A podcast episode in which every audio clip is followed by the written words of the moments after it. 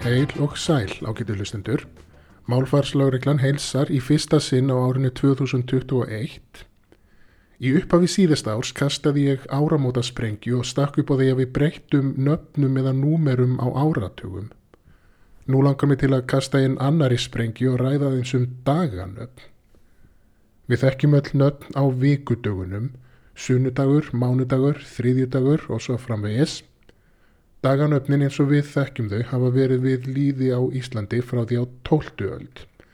En áður en þau voru tekinu upp héttu dagarnir sunnudagur, mánadagur, tístagur, óðinstagur, þórstagur, frjádagur og þvóttadagur eða laugadagur. Eftir kristnitökuna tók kirkjan á Íslandi upp á því að breyta þessum nöfnum. Sunnudagur skildi heita drottinstagur, Mánadagur er því annar dagur, tístagur, þriðji dagur, óðinsdagur er því miðvíkudagur, þórstagur, fymtidagur, frjádagur skildi hitta föstudagur en laugadagur fengi að halda nafninu sínu. Þetta eru ófrumleg nöfn og leiðinleg, en allt fyrir Guð og kristnina. Það var fyrst og fremst fyrir tilstilli Jóns Ögmundssonar, biskups á Hólum, sem þessi nafnabreiting gekk í gegn. Hún var þó ekki samþygt að öllu leiti, því eins og við vitum fengu sunnudagur og mánudagur að halda á nöfnunum sínum. En það mátti ekkert minna á heiðin síð á Íslandi, kirkjan var alls ráðandi og mennurða að hugsa um Guð og kirkjuna og ekki neitt annað. En nú að dögum eru Íslendingar ekkit sérstaklega kristin þjóð lengur.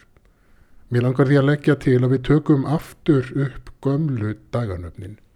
Tölum um tísdag, óðinsdag, þorstag og frjádag í staðin fyrir þrýðjudag, miðvíkudag, fymtudag og föstudag. Þannig er þessi nöfn ennþá hjá nákvæmna þjóðum okkar, til dæmis í Norðurlandamálunum og eins í ennsku og þýsku. Þar heita dagarnir ennþá eftir fornum guðum.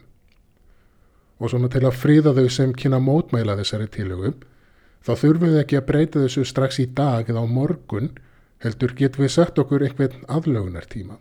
Þess vegna nokkur ár, þannig að kynnslóðir sem nú er að hefja lífið venjist nöfnunum, en leifum gömlu nöfnunum smám saman að deyja út eftir því sem núlefandi kynnslóðir hverfa af sjónarsviðinu. Hugsum að minnstakosti um þetta. Heyrum því næst hvað hlustendur hafa að segja. Þættunum hafa borist bref. Það fyrra er svo hljóðandi. Orðtakið að setja rass á laggir í merkingunum að gefast upp, hætta einhverjum, þekki þið það. Ég hef ekki hert þetta orðtak en ég kannast oftar á móti vel við að setja einhvað á laggirnar sem þýðir að stopna einhvað eða koma á fót nýri starfsemi og í þessu orðasambandi að setja rass á laggir sem hlustandi spyr um er líklega verið að blanda þessu orðtaki saman við einhvað annað orðtak. Kanski það að renna á rassin með einhvað sem þýðir að mistakast eða gugna á einhverju eða jafnilega beila á einhverju. Svo fór ég að hugsa um þetta að setja eitthvað á laggirnar. Hverjar eru þessar laggir sem allt er sett á? Í íslenskri orðabók þýðir lögg meðal annars gróp í tunnustöfum sem tunnubotnin er feldur í eða endar tunnustafa sem ganga út fyrir botn og lóg. Þegar botnin og lógið eru komin í tunnuna er hún tilbúin, það er búið að setja þau á laggirnar á tunnustöfunum. Þetta finnst mér að minnstakosti líkleg skýring á orðtakinu setja einhvað á laggirnar. Setna brefið hljóðar svo, komiði sæl. Ég er að leita að heiti yfir annan dag jóla. Er búin að vera að leita en hef ekki fundið svar við því. Aðtóa hvort þið það við svarið. Já, 27. desember, annar dagur jóla, annar í jólum.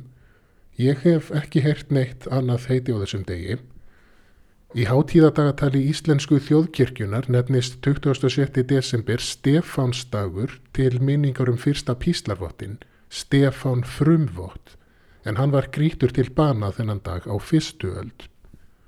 Stundum er líka talað um jólarest eða rest frá með þessum degi, Það er að segja restina eða afgangin af jólunum og menn byrja að oska hver öðrum gleðilegra restar. Annar í jólum, Stefánsdagur eða rest eða jólarest eru að minnst okkast í einu heitin sem ég hef hýrt á þessum degi.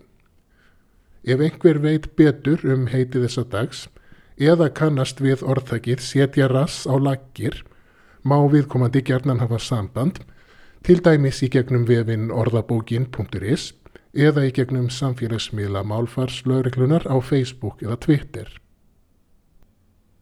En nú af því sem öll hafa byggðið eftir, úrslitt úr kostningunni um orð ársins 2020.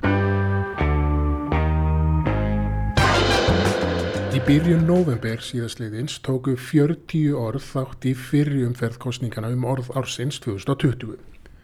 Þau áttu það sameigilegt að hafa bæst við orðabókina, orðabókin.is undanfarið ár, eða frá 1. november 2019 til 31. oktober 2020.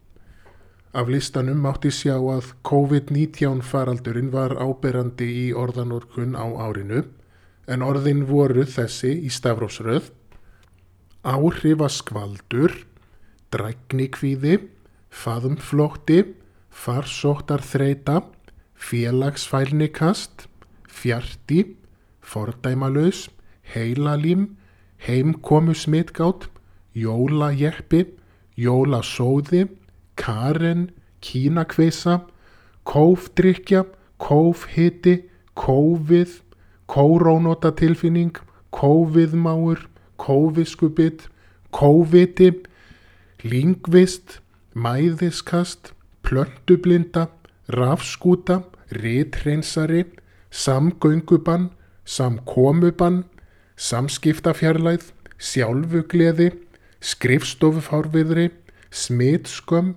sófasérfræðingur, sóttkvíld, sóttkví, sóttkvíði, sviðsmynd, undansemi, úrvinnslu sóttkví, viðtalspil og þjóðarlóklaðan. Mörg ansið skemmtileg og nýttin orð. Tíu þeirra komist áfram í setni umferðina. Hér verða þau lesinu upp í röð eftir atkvæða fjölda í setni umferðinni. Byrjum á tíundasæti og færum okkur upp listan.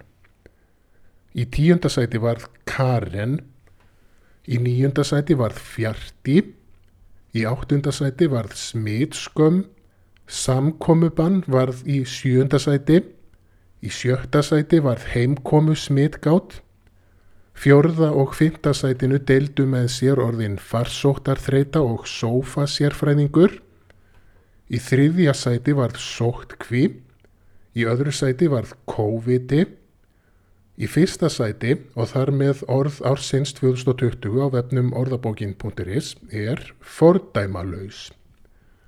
En fordæmalauðs merkir einhver eða einhvað sem á sér ekki hliðstæðu, er áður óþægt eða hefur aldrei gerst áður. Orðið er samt ekki alveg nýtt af nálinni. Á vefnum tímaritt.is finnst dæmi um orðið allt frá árinu 1930. Elsta dæmið þar er frá 8. februar sama ár. En eins og við munum var þetta orð mikið notað og var það tísku orði vorið 2020 þegar COVID-19 faraldurinn var að hefja innreitt sína. Og það var mikið talað um að við lifðum á fordæmalöysum tímum eða að þetta væru fordæmalöysar aðstæður. Þá eru hugmyndirnar ekki fleiri bíli Ég minni að lokum á vefin orðabókin.is og samfélagsmiðla málfarslauriklunar á Facebook og Twitter.